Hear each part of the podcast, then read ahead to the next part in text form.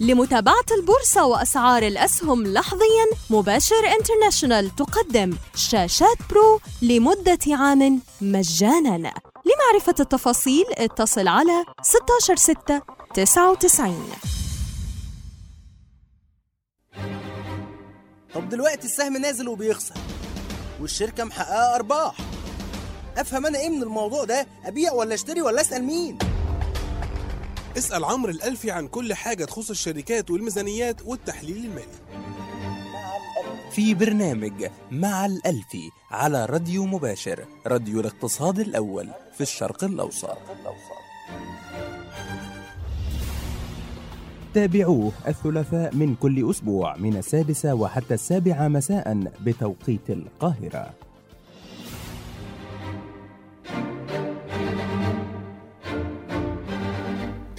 بسم الله الرحمن الرحيم. السلام عليكم واهلا بكم في حلقة جديدة من برنامج مع الالفي على راديو مباشر راديو الاقتصاد الأول في الشرق الأوسط.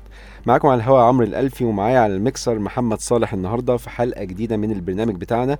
آه، حلقة أسبوعية كالعادة. والنهاردة بنتكلم وبنستكمل حديثنا يمكن من الأسبوع اللي فات. الأسبوع اللي فات اتكلمنا عن البنوك المركزية وإزاي البنوك المركزية دي مهمة وإن هي آه، وجودها آه، أهميته جاي من نابع من دورها اللي بتقوم بيه اللي هو آه، بيختلف من دولة للتانية ولكن الأدوار الأساسية بتاعت البنوك المركزية قلنا إن هي بتحافظ على أسعار ال- السلع والخدمات في الدولة بتاعتها وإن هي المنفذ الأساسي للسياسة النقدية بتاع هذه الدولة عشان يحافظ برضو على قيمة العملة المحلية بتاعت البنك المركزي ده اللي هو بيصدرها.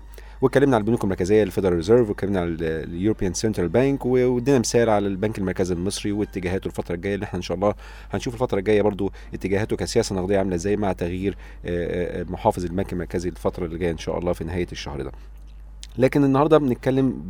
استكمالا لهذه الحلقة بنتكلم على المخاطر السياسية إحنا بنتكلم على البنوك المركزية الحلقة اللي فاتت فبالتالي ده بيعكس السياسة النقدية لكل دولة آه، واللي بينبع من آه، المخاطر اللي بتحيط بهذه الدولة و- وعلى أساسه بيتم آه، رفع أو خفض آه، الفايدة. آه، لكن المخاطر السياسية آه، يمكن هي دي ال- الش- الشغل الشاغل دلوقتي بالنسبة للمحللين الماليين عامة آه، اللي بيحللوا الشركات أو بيقيموها أو مديرين الأصول آه، المختلفة آه، آه، في العالم كله. مش لازم يكون بيستثمر بس في equities أو في أسهم بس ولكن ممكن يكون بيستثمر في أي آه، سلعة commodities بترول آه، ذهب كل الكلام دوت بيتأثر أو أسعار هذه الفئات الأصول المختلفة بيتأثر بالوضع السياسي أو المخاطر الجيوسياسية. ده اللي بنسميه الاسم بتاعها اللي هو اللي هي geopolitical risk الجيوسياسيه ولكن ال- ال- المخاطر ديت إزاي بقى ن quantify الكلام ده؟ وإزاي نحط رقم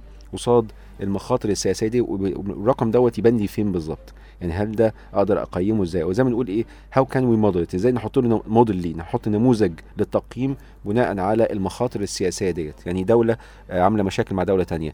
أو في آه، موضوع داعش في المنطقة بتاعة الشرق الأوسط مأثر سياسيا على آه، الوضع في ال- في المنطقة. طب إزاي أنا آخد ده في اعتباري وأحطه في التقييم بتاعي لما أجي أقيم سهم من الأسهم الموجودة في الأسواق الإقليمية بتاعتنا؟ إذا كان أسواق عالمية حتى أو اسواق إقليمية في المنطقة بتاعتنا اللي هي مينا ريجن اللي هي منطقة شمال أفريقيا والشرق الأوسط. نطلع فاصل بسيط ونرجع نتكلم على المخاطر السياسية وإزاي نموديل الكلام ده أو نحطه كنموذج في التقييم بتاعنا لما نيجي نقيم أي سهم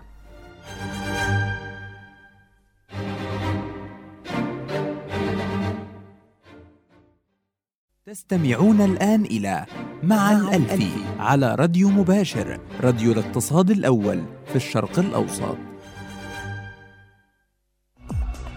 في مكان يجتمع فيه كل هؤلاء الخبراء متابعة على مدار الساعة لكل الأسواق العربية والعالمية خدمات إخبارية ولقاءات حصرية معلومات من المصدر إليك بشكل مباشر. راديو مباشر راديو الاقتصاد الأول في الشرق الأوسط. الميزان التجاري. الميزان التجاري هو الفرق بين القيمة النقدية للصادرات والواردات من السلع في الاقتصاد خلال فترة زمنية معينة. ويتضمن الميزان التجاري عملية السلع المدفوعة نقديا أو على سبيل الائتمان.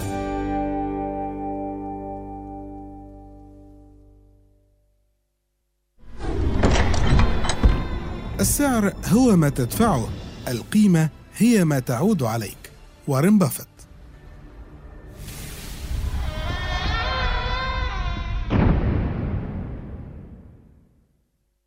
تستمعون الآن إلى مع الألفي على راديو مباشر راديو الاقتصاد الأول في الشرق الأوسط.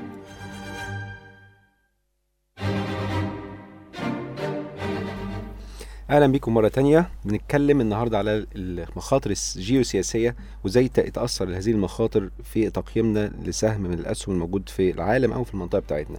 هنركز النهارده يمكن في المنطقة بتاعتنا أكتر. طبعا الوضع السياسي يعني حتى في مش بس في المنطقة في منطقة الشرق الأوسط أو شمال أفريقيا لا حتى في جنوب أوروبا دلوقتي اللي بيحصل في فرنسا. والنهاردة الأخبار برضو بتاعت آه، تركيا والطيارة بتاع روسيا اللي وقعت وكده. ففي مخاطر جيو جيوسياسية بت يعني بتحيط بينا من من وقت لآخر وخصوصا الفترة اللي فاتت. الفترة اللي فاتت ديت يعني المخاطر ابتدت تزيد والمخاطر دي يمكن صعبة جدا إن الواحد يحطها في التقييم بتاعه. ولكن النهارده في الحلقة دي إن شاء الله هحاول أفسر طريقتين أساسيتين إزاي ممكن ال- ال- المحلل المالي أو مدير الأصول إن هو يعكس الكلام دوت في توقعاته لأداء الأسهم لما يجي يقيم سهم في المنطقة. بيبقى في طريقتين. أول طريقة منهم إن أنا أنا كده نرجع تاني للحلقات الأولى من البرنامج بتاعنا برنامج مع الألفي إن إحنا بنتكلم على إن قيمة أي أصل هو القيمة الحالية بتاعة التدفق النقدي اللي جاي من هذا الأصل.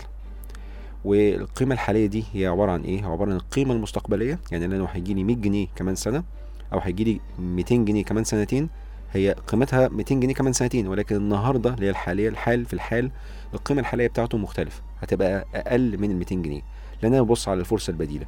الفرصه البديله إن أنا أحط فلوسي النهارده في البنك ما أخدش مخاطر خالص عليها وبالتالي باخد الفايدة بتاعت البنك. لكن لو أنا استثمرتها في سهم يبقى أنا باخد مخاطرة أعلى فبالتالي أنا عايز آخد عائد أعلى. فبالتالي ال 200 جنيه في المستقبل قيمتها النهارده أقل أكيد من من 200 جنيه.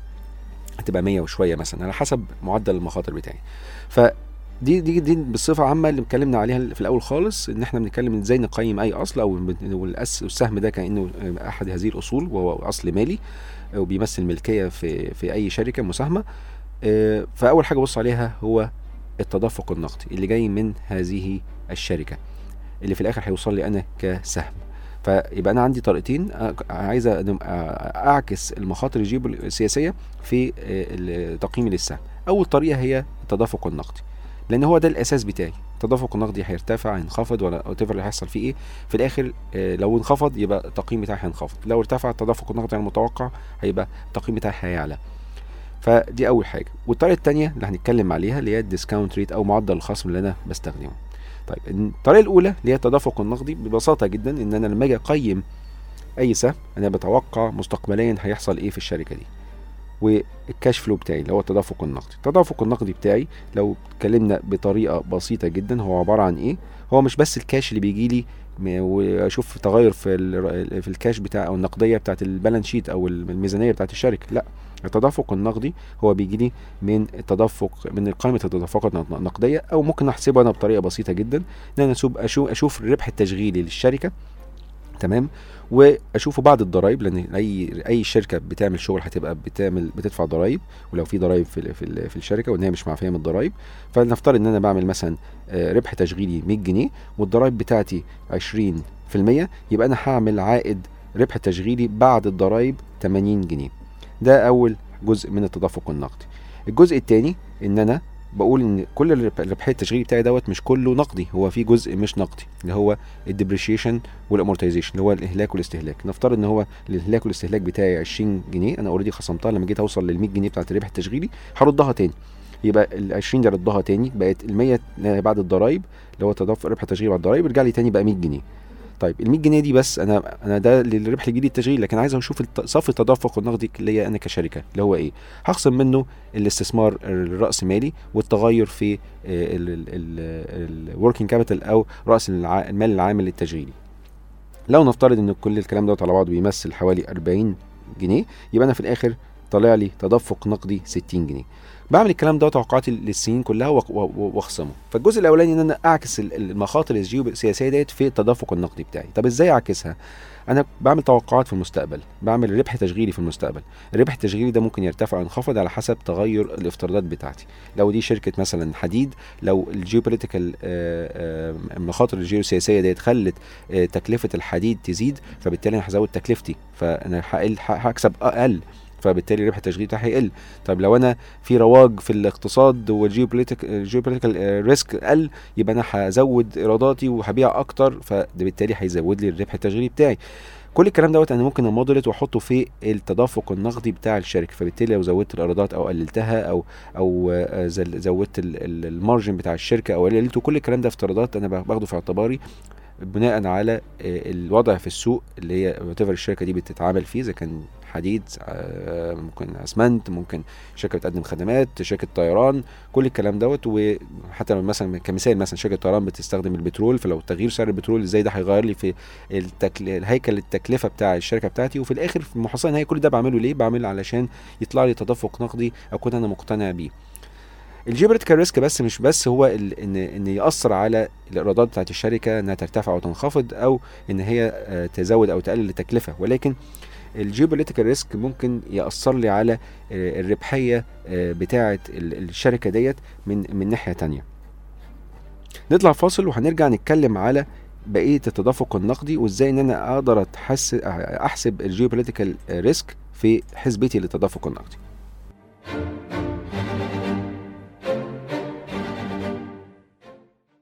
تستمعون الآن إلى مع الألفي على راديو مباشر راديو الاقتصاد الأول في الشرق الأوسط. باختصار نحن الاختصار راديو مباشر راديو الاقتصاد الأول في الشرق الأوسط. ليه راديو مباشر راديو الاقتصاد الأول في الشرق الأوسط؟ لأنه أول راديو اقتصادي في الشرق الأوسط. بسيطة دي. لأنه أول راديو اقتصادي بيغطي كل الأسواق العربية والعالمية. لأنه أول راديو اقتصادي يجمع أهم الخبراء وأهم المحللين في الوطن العربي. راديو مباشر راديو الاقتصادي الأول. لأننا أول راديو اقتصادي يهتم بالجانب التعليمي. فعملنا أول برنامج لتعليم البورصة. أول برنامج لتعليم الفوركس. أول برنامج لتعليم ال business. تخيلوا إحنا عملنا أول مسلسل إذاعي اقتصادي. إحنا أول راديو اقتصادي يقدم الاقتصاد الكلي وأسواق المال بطريقة بسيطة توصل لكل المستمعين في كل الوطن العربي. أول راديو بيكلم كل مستمع بلسانه عارف احتياجاته ودارسها كويس. أول راديو مستني يطلع له منافس. ببساطة راديو مباشر راديو الاقتصاد الأول في الشرق الأوسط. تستمعون الآن إلى مع الألفي على راديو مباشر راديو الاقتصاد الأول في الشرق الأوسط.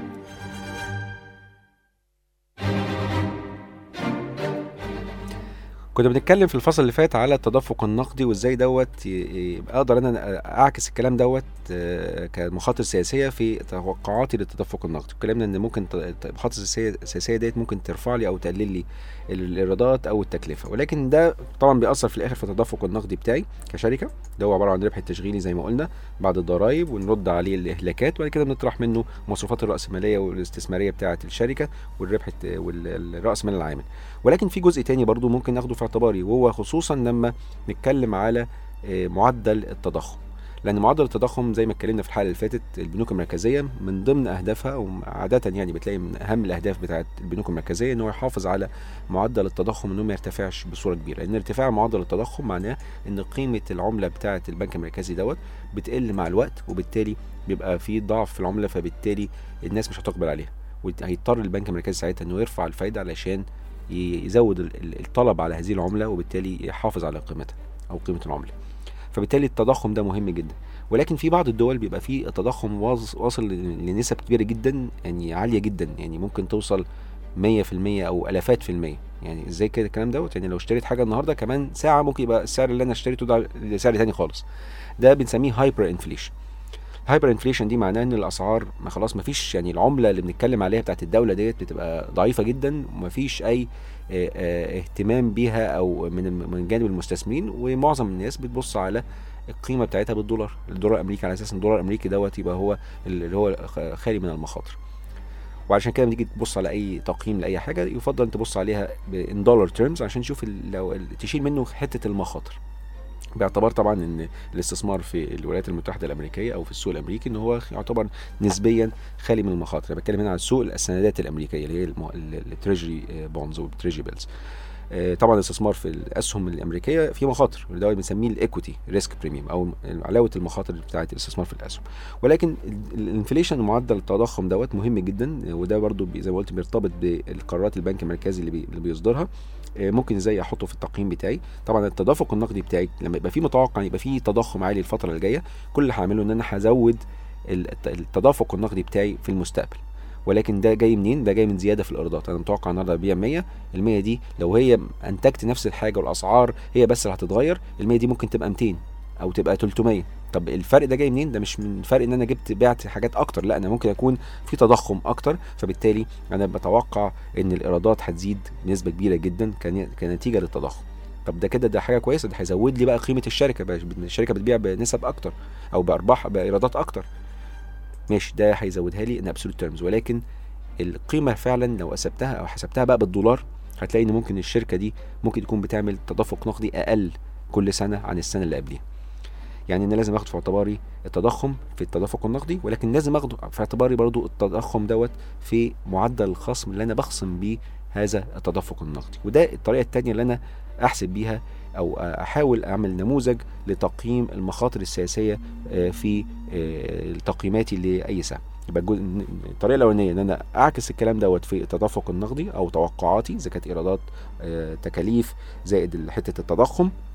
ده بعكسه في توقعاتي للتدفق النقدي.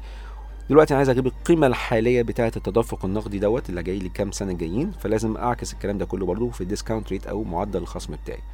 معدل الخصم بتاعي دوت هيبقى برضو بياخد في اعتباره إيه ال ال الأخ الحاجات اللي بتحصل جيوسيس جيوس اللي هي الأحداث الجيوسياسيه والمخاطر اللي فيها. لو بنتكلم على التضخم لو أنا حطيته في اعتباري إن already التضخم ده ناتج على ضعف مثلا ال- العملة بتاعت الدولة أو آه، ضعف البنك المركزي بتاعها ال- البنك المركزي مش عارف يرفع الفايدة قوي أو متوقع ان يرفع عشان يحافظ على قيمة العملة بتاعته كل الكلام دوت بقعد بتوقعه برضو في معدل الخصم وبناء عليه ببتدي أشوف المعدل الخصم دوت هيزيد ولا هيقل.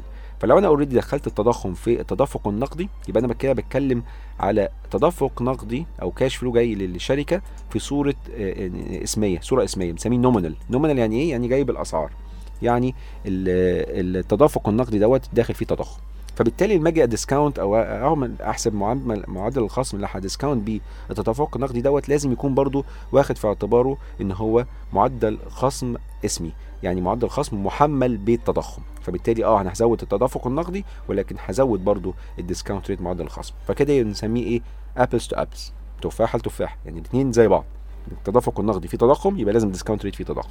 طب لو التدفق النقدي أنا صعب جدا أتوقع التضخم بتاع الدولة دي. التضخم بتاعها في سنة يبقى 100% السنة بعديها يبقى 30% السنة اللي بعديها 140% مش عارف أتوقعه. طب بسيطة جدا. اقلب كل التدفق النقدي بتاعك بالدولار وتوقع كل حاجة بالدولار تمام؟ واعمل discounting برضو بس هتعمل discounting بالدولار تمام؟ discount بالدولار. بس ال discount بالدولار دوت هيبقى لازم تاخد في اعتبارك ال risk بتاع الدولة. أو حاجة تانية. أقول لأ بدل ما أعمله بالدولار لأ أخليه بالعملة المحلية بتاعت الدولة. أنا هتوقع التدفق النقدي بالعملة المحلية بتاعت الدولة ولكن ما فيهوش التضخم. أنا هشوف بس ال real اللي هو زيادة في الإنتاج اللي هو معدل النمو الحقيقي بتاع التدفق النقدي دوت. وبالتالي لما أجي discount الكلام دوت لازم ا discount ه برضه بمعدل خصم ولكن معدل الخصم بقى مش اسمي في م- تضخم لأ من غير تضخم. يبقى معدل خصم حقيقي يبقى real discount rate يعني برضو نفس الموضوع. apples to apples فوق في تضخم يبقى ال discount rate اللي هخصم بيه في تضخم. فوق ما فيهوش تضخم يبقى ال discount rate اللي هخصم بيه ما فيهوش تضخم. فدوت الجزء الطريقة الثانية إن أنا آخد في اعتباري آه، آه، الجيو المخاطر الجيوسياسية. طيب بس الكلام ده كله نظري. طب الطريقة العملية بقى أعمل إيه؟ طب المعدل الخصم ده أعمل إيه؟ طبعا التدفق النقدي اتكلمنا عليه بيخ- بيختلف من توقعات آه، شركة للتانية وعلى حسب القطاع اللي هي فيه وتوقعاتي افتراضاتي كمعدلات نمو. ولكن المعدل الخصم دوت آه، ده بيعتقد إن أسهل طريقة إن إحنا نتكلم عليها إن نحاول نحط إيدينا على المخاطر الجيوسياسيه في ب- في الرقم دوت لأنه بيعكس حاجات كتير. في كذا طريقة ممكن تحسب بيها معدل الخصم لأي دولة ولكن الطريقة اللي هي ممكن تنفع لدول مختلفة إن أنت تبتدي بمعدل الخصم اللي هو خالي من المخاطر. إحنا اتكلمنا على ال US treasury yield أو معدل ال- العائد اللي هيجي لك من استثمار في زون الخزانة أو سندات الخزانة الأمريكية. عادة بنستخدم إحنا ال 10 سنين. يعني ال- العائد اللي هيجي لك لو أنت استثمرت في الزون الخ... أو سندات الخزانة الأمريكية لمدة 10 سنين. كل سنة هيجي لك كام في المية؟ الرقم ده ساعات بيبقى 2% ساعات بيبقى 3% بيتراوح في الفترة اللي فاتت دي ما بين 2 ل 3% سنويا. ده على الدولار. فبالتالي لو انت هتستثمر في أي سوق بره أمريكا let's say مثلا مصر يبقى هتاخد في اعتبارك إن هو ال- المعدل دوت ده البداية بتاعتك 2% بس هتيجي تزود عليه حاجة تانية زود عليه ال- ال- المخاطر بتاعت الدولة تمام؟ فتاخد في اعتبارك مخاطر الدولة. طب دي اجيبها إزاي؟ مخاطر الدولة وداخل فيها كذا حاجة بقى داخل فيها آه، ال- ال- الوضع ال- الائتماني بتاع الدولة داخل فيها معدل التضخم داخل فيها الوضع السياسي بتاعها وقوتها وداخل فيها كمان المخاطر اللي موجودة في العالم. مش مش لازم يكون مخاطر مختصة مثلا بمصر أو بدولة معينة. لا ده مخاطر في العالم بصفة عامة. ده ممكن يتحسب إزاي؟ بطريقة بسيطة إن أنا أشوف السوق أعكس الكلام ده منعكس في السوق إزاي. ففي دلوقتي في بعض ال- الأدوات المالية اللي, موجودة في السوق ليها أسعار. حاجة اسمها CDS أو credit default swap دوت عبارة عن زي insurance policy insurance policy يعني أنت بتقول لو أنا مستثمر في أذون الخزانه أو سندات الخزانة الأمريكية لمدة let's say خمس سنين. أنا اللي عايز أحمي نفسي من إن أمريكا تفلس. لأن أمريكا لو فلست يبقى أنا سندات الخزانة اللي معايا دي مش هترجع لي. تمام؟ فأدفع كام كبوليس التأمين ك premium أدفعه؟ زي ما بتعمل بتأمن على عربية مثلا بتدفع premium كام علشان لو حصل ال ال الحاجة اللي, أنا خايف منها ديت حد هيعوضني في آه، الاستثماري في هذا ال- ال asset أو الأصل. زي ما لو هتدفع مثلا في العربية let's say بتدفع 1000 جنيه premium علشان لو قدر العربية حصل لها حاجة أو اتسرقت أو حصل لها total loss فلوس العربية ترجع لك أو تمن أو جزء من ثمن العربية يرجع لك جزء كبير من ثمن العربية يرجع لك. هي نفس القصة. ال CDS دوت بيعكس إيه أنت تدفع كام علشان تأمن على حجم ال- السندات الأمريكية اللي أنت شاريها. عادة الرقم ده بيبقى بسيط جدا بالنسبة لل- للسندات الأمريكية طبعا عشان إحنا قلنا السندات الأمريكية نسبة المخاطر فيها قليلة جدا مقارنة بالدول الأخرى. ده ممكن تدفع فيه مثلا يعني 20 نقطة مئوية أو آه بنتكلم على 20 بيسس بوينت يعني علامة أو فاصل 2% تمام؟ فاصل 2% يبقى أنا كده لو هشتري أسهم أو سندات أمريكية أنا ممكن أدفع فاصل 2% في من قيمة هذه السندات علشان أقدر أأمن على هذه السندات. لو السندات دي حصل لها إن هي الدولة الأمريكية المصدرة ليها فلست فحد هيدفع لي اللي قصادي الناحية الثانية هو اللي هيدفع لي القيمة ديت.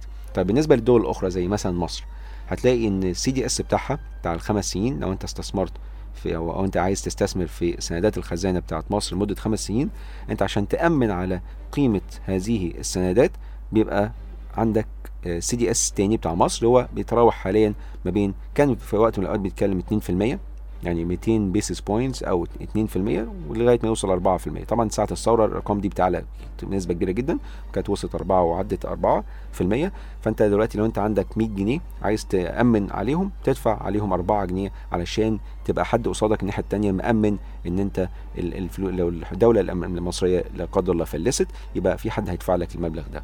فده الفرق بقى ما بين أمريكا وما بين مصر اللي هو ما بين ال 400 مثلا basis points وال 20 basis points هو ده يعتبر ال country risk ده كل ما يوسع والفرق ده يوسع أو يكبر يبقى المخاطر السياسية زايدة.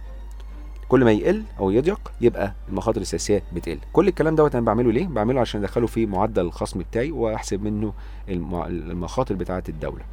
الكلام دوت عشان في الآخر أوصل لمعدل الخصم اللي بيعكس المخاطره بتاعت الدولة. طبعا في مخاطرة تانية اللي هي الاستثمار في الأسهم نفسها ده بيبتدي بيه بالمخاطرة بتاعت استثماري في أسهم الأمريكية وزود عليه برضو مخاطرة استثمار في سوق غير السوق الأمريكي اللي هو بنسميه ال country risk أو ال equity risk premium بقى بتاع الدولة اللي إحنا بنتكلم عليها غير أمريكا. دول هما الطريقتين الأساسيتين اللي إحنا بنتكلم عليهم علشان نحسب ال geopolitical risk في التقييم بتاعنا. أول حاجة التدفق النقدي. وناخد في اعتبارنا التضخم. تاني حاجة معدل الخصم وناخد في اعتبارنا ال sentiment أو اللي الناس شايفاه في السوق كمخاطر سياسية في الاستثمار في آه، آه، الأدوات المالية بتاعت الدول المختلفة اللي بنبص عليها. نطلع فاصل ونرجع نتكلم على أحد آه، أهم الغلطات اللي المحللين الماليين بيقعوا فيها لما يجي يحسبوا ال- العائد الخالي من المخاطر.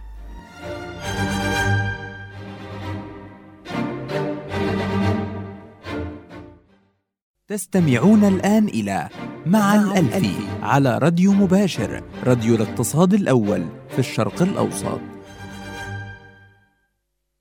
منحنى صاعد وآخر يهبط أحيانا. أينما تذهب وكيف تتحرك ومن أين تبدأ المشوار؟ من هنا راديو مباشر طريقك للربح. راديو مباشر راديو الاقتصاد الأول في الشرق الأوسط. فريق يعمل من أجلك. يبحث ويقرأ ويحلل كي يأتي إليك بالمعلومات. وما عليك إلا أن تسمع وتقرر. نحن, نحن معك. معك. راديو مباشر. راديو الاقتصاد الأول. في الشرق الأوسط. تصلك المعلومة أينما كنت. تسمعها لتتحرك. نحللها لك لتقرر. أينما كنت تسمعنا لتتحرك وتقرر وتربح. راديو مباشر. راديو الاقتصاد الأول. في الشرق الأوسط. تستمعون الآن إلى مع الألفي على راديو مباشر راديو الاقتصاد الأول في الشرق الأوسط.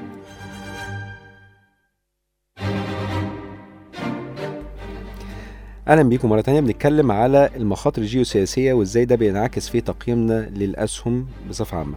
اتكلمنا على الطريقتين الطريقة الأولانية بنعكس الكلام دوت في توقعاتنا في التدفق النقدي والطريقة الثانية إن إحنا نزود المخاطر أو نقلل المخاطر لو ما فيش مخاطر أو المخاطر قلت يعني في معدل الخصم اللي إحنا بنستخدمه عشان نخصم بيه التدفق النقدي اللي هيجي في المستقبل ده. عشان نوصل في الآخر لإيه؟ عشان نوصل للقيمة الحالية للتدفق النقدي اللي جاي من الشركة وأقسمه عدد الأسهم في الآخر علشان يطلع لك قيمة السهم الواحد. طيب في يمكن آه، غلطة بيقع فيها آه، معظم المحللين المحللين الماليين لما يجي يحسب المعدل الخصم. معدل الخصم فيه طرق كتيرة جدا ممكن مش جدا يعني هم يمكن طريقتين أو ثلاثة لكن ال- الطريقة ال- ال- ال- اللي معظم الناس محللين ماليين بيستخدموها هي طريقة آه، آه، ال CAPM اللي هو ال cost of equity لما تيجي تحسب ال- ال- العائد اللي انت طالبه على استثمارك في السهم هو بنسميه ال cost of equity ده بطريقة اسمها CAPM. CAPM دي لل capital asset pricing model أو نموذج تسعير أصول الرأسمالية. النموذج ده بيقول إيه؟ بيقول إن أنا عشان أستثمر في أي سهم أنا محتاج عائد أعلى من استثماري في أذون أو سندات الخزانة بتاعت الدولة اللي في في هذا في هذا اللي فيها السهم ده. يعني نفترض في سهم في مصر عايز أقيمه. فعشان أستثمر في سهم في مصر أنا عايز عائد أعلى من سندات الخزانة بتاعت أمريكا بتاعت مصر. فهجيب ال- العائد اللي هو ال risk free rate بتاع مصر. أشوف سندات الخزانة في مصر بتتداول على سعر كام؟ واحسب إحنا اتكلمنا في حلقة السابقه بتاعت أدوات الدخل الثابت. أشوف العائد دوت اعمل له آه، آه، فورمولا واشوف التدفق النقدي اللي جاي اللي هو برضه الكوبونات بتاعت السندات وهيرجع لي اصل المبلغ في الآخر. في الآخر كل ده عشان احسب أشوف إيه العائد اللي هيجي لي سنويا لو أنا استثمرت في هذه السندات المصرية. مع الأخذ في الاعتبار طبعا سعر السند ده في السوق في الوقت اللي أنا بتكلم فيه. ده بنسميه risk free rate اللي هو اللي هيجي لي لو أنا استثمرت في سندات الخزانة المصرية. ده بداية ده اللي لازم يجي لي. ده ممكن يكون مثلا let's say إن هو ب 12% أو عشان نسهل الأرقام نقول اللي هو ب 10% طب ال 10% دي ده العائد الخالي من المخاطر. طب أنا عايز أزود عليه ال equity ال equity risk premium علاوة استثماري في ال- ال- الأسهم. ده ممكن يكون مثلا 5% لو الدنيا ظريفة مفيش أي مشاكل في في المنطقة. ولكن لو المشاكل زادت تبتدي ال 5% لا أنا عايز فلوس أكتر أو عايز عائد أكتر علشان أحسب تقييمي صح لل- للمخاطر. فبالتالي الخمسة دي ممكن أقول لا أنا عايز 10% فوق ال 10 يبقى أنا عايز في الآخر 20% معدل خصم آه، بناء على التدفقات النقدية لحقوق المساهمين أو اللي هو ال cost of equity طيب إيه الغلطة بقى اللي المحللين الماليين بيقعوا فيها؟ الغلطة بتيجي في حسبة ال risk free rate أو العائد الخالي من المخاطر. العائد الخالي من المخاطر يعني مؤخرا بعد خصوصا في مصر بعد ما الدولة فرضت ضريبة 20% كانت في آه، مايو 2008 لو كلنا نفتكر ده اليوم يمكن 4 أو 5 مايو 2008 اللي كان المؤشر EGX 30 وصل أعلى نقطة فيه في حياته اللي هو ال 12000 نقطة. ومن ساعتها للأسف كل الأسعار نزلت من ساعتها. اليوم دوت كان الدولة الم- المصرية ساعتها أصدرت قانون في الضرائب إن هي تفرض ضريبة 20% على اذون. أو سندات الخزانة الكوبونات اللي بتيجي من سندات الخزانة ساعتها كان العائد ال- ال- على ما أتذكر كان العائد ال- اللي هو حتى فترة الاستحقاق اللي هو العائد على السندات الخزانة المصرية كان حوالي 8% والناس كانت متقبلة هذا العائد. أول ما الحكومة قالت لا أنا هنفضل هنفرض 10 20% ضريبة العائد اللي كان الناس بتطلبه دلوقتي لا قالوا مش عايزين 8 إحنا عايزين 10% دلوقتي عشان ال 10% دي هندفع عليها ضرائب 20% فبالتالي يرجع لي برضو صافي العائد. بعد الضرائب يرجع لي 8% اللي أنا كنت باخدها قبل كده قبل الضرائب الغلطة بقى المحللين الماليين بيقعوا فيها إن هو المحللين الماليين بياخدوا العائد على اللي هو الخالي من المخاطر بعد الضرائب. الكلام ده مش مظبوط. المفروض العائد اللي بيتاخد دوت هو العائد الخالي من المخاطر لما أجي أدخله في حسبة ال cost of equity أو معدل ال- ال- العائد اللي أنا متوقعه من استثماري في السهم المفروض يتحسب قبل الضرائب وليس بعد الضرائب. يعني لو أنا بتكلم على risk أو ال- ال yield بتاع العائد على سندات الخزانة المصرية 10% لو في ضرائب 20% لا أنا مش هاخد ال 8% أنا هاخد برضو ال 10% ليه الكلام دوت؟ لأن بطريقة بسيطة جدا زي ما قلنا apples to apples أنا اولا أبص على التدفق النقدي اللي أنا بخصمه. هو التدفق النقدي ده جاي لمين؟ جاي للشركة صح؟ مش جاي للمساهم. جاي للشركة يبقى أنا أحسبه للشركة. طيب الش... الارباح الشركة دي بتدفع ضرائب إحنا قلنا في الأول خالص إن هو الربح التشغيلي بعد الضرائب فأوريدي أنا حاسب الضرائب بتاعه الشركة. طيب لما أجي أخصم بقى أخصم بناء على إيه اخصم بناء على معدل الخصم يكون بيعكس المخاطر بتاعة التدفق النقدي ديت ولكن ما بيعكسش ال- ال- ال- الضرائب على الشخص أو المستثمر لا هو بيعكس الضرائب بتاعة الشركة. يعني التدفق النقدي اللي فوق بعد ضريبة الشركات ولكن العائد اللي هيجي لي في الآخر كل مستثمر والتاني ليه حسبة الضرائب بتاعته. فبالتالي أنا باجي أخصم أنا أخصم التدفق النقدي دوت لازم اخد في اعتباري إن العائد الخالي من المخاطر هو قبل الضرائب وليس بعد. وإلا ببساطة جدا لو هو ده العائد الخالي المخاطر بتاع سندات الخزانة المصرية هحسب عليه ضرائب يبقى كان من باب أولى إن أنا أحسب برضو capital gain tax لو في مثلا ربح رأس مالي وعليه ضريبة أو في dividend مثلا أو تو- توزيعات نقدية في ضريبة ما كل ده جزء جزء من العائد أنا ليه ما باخدش منه. بحسب منه ضرائب وبحسب العائد بتاعي بعد الضرائب لأن هو التقسيم بتاع التدفق النقدي بتاع الشركات اللي هو بعد الضرائب أصلا ده ده بعد ضريبة الشركات بيتخصم بمعدل الخصم اللي هو قبل الضريبة آه، الشخصية. يبقى يبقى معدل الخصم بتاعي هو بيحسب طب بيخصم تدفقات نقدية بعد ضريبة الشركات ولكن قبل الضريبة الشخصية. فبالتالي كل معظم يعني المحللين الماليين بيستخدموا عائد على ال- ال- الاذون الخزانة أو سندات الخزانة المصرية. بيعلي بيقلل شوية العائد دوت. فلو حسبناه بالطريقة الصح هتلاقي إن المخاطر هتعلى أو العائد هيعلى سنة فيقلل لك التقييمات بتاعه المحللين اللي عاملينها في السوق بناء على هذا الموضوع. دي يمكن كانت الغلطة ال- ال- ال- اللي شايفها في التحليل أو في التقييم. لما نيجي نعكس المخاطر عامة بصفة عامة في تقييمنا للأسهم. الحلقة مشيت بسرعة ولكن هنستكمل إن شاء الله في الحلقات القادمة بإذن الله آه، آه، طرق أخرى للتقييم وإزاي نعكس اللي بيحصل في الأسواق العالمية آه، الكلام ده كله في التقييمات بتاعتنا عشان نوصل في الآخر لقيمة عادلة تعكس فعلا الوضع اللي إحنا فيه. وطبعا اللي إحنا الوضع اللي إحنا فيه دلوقتي هو غير طبيعي. ولكن إن شاء الله ربنا يعدي الأمور على خير ونلتقي بكم بإذن الله في حلقة جديده من برنامجكم برنامجكم مع الالفي على راديو مباشر راديو الاقتصاد الأول في الشرق الأوسط. كان معكم عمرو الالفي وكان معي على المكسر محمد صالح. شكرا جدا محمد. نلتقي بإذن الله على خير في الأسبوع القادم. السلام عليكم.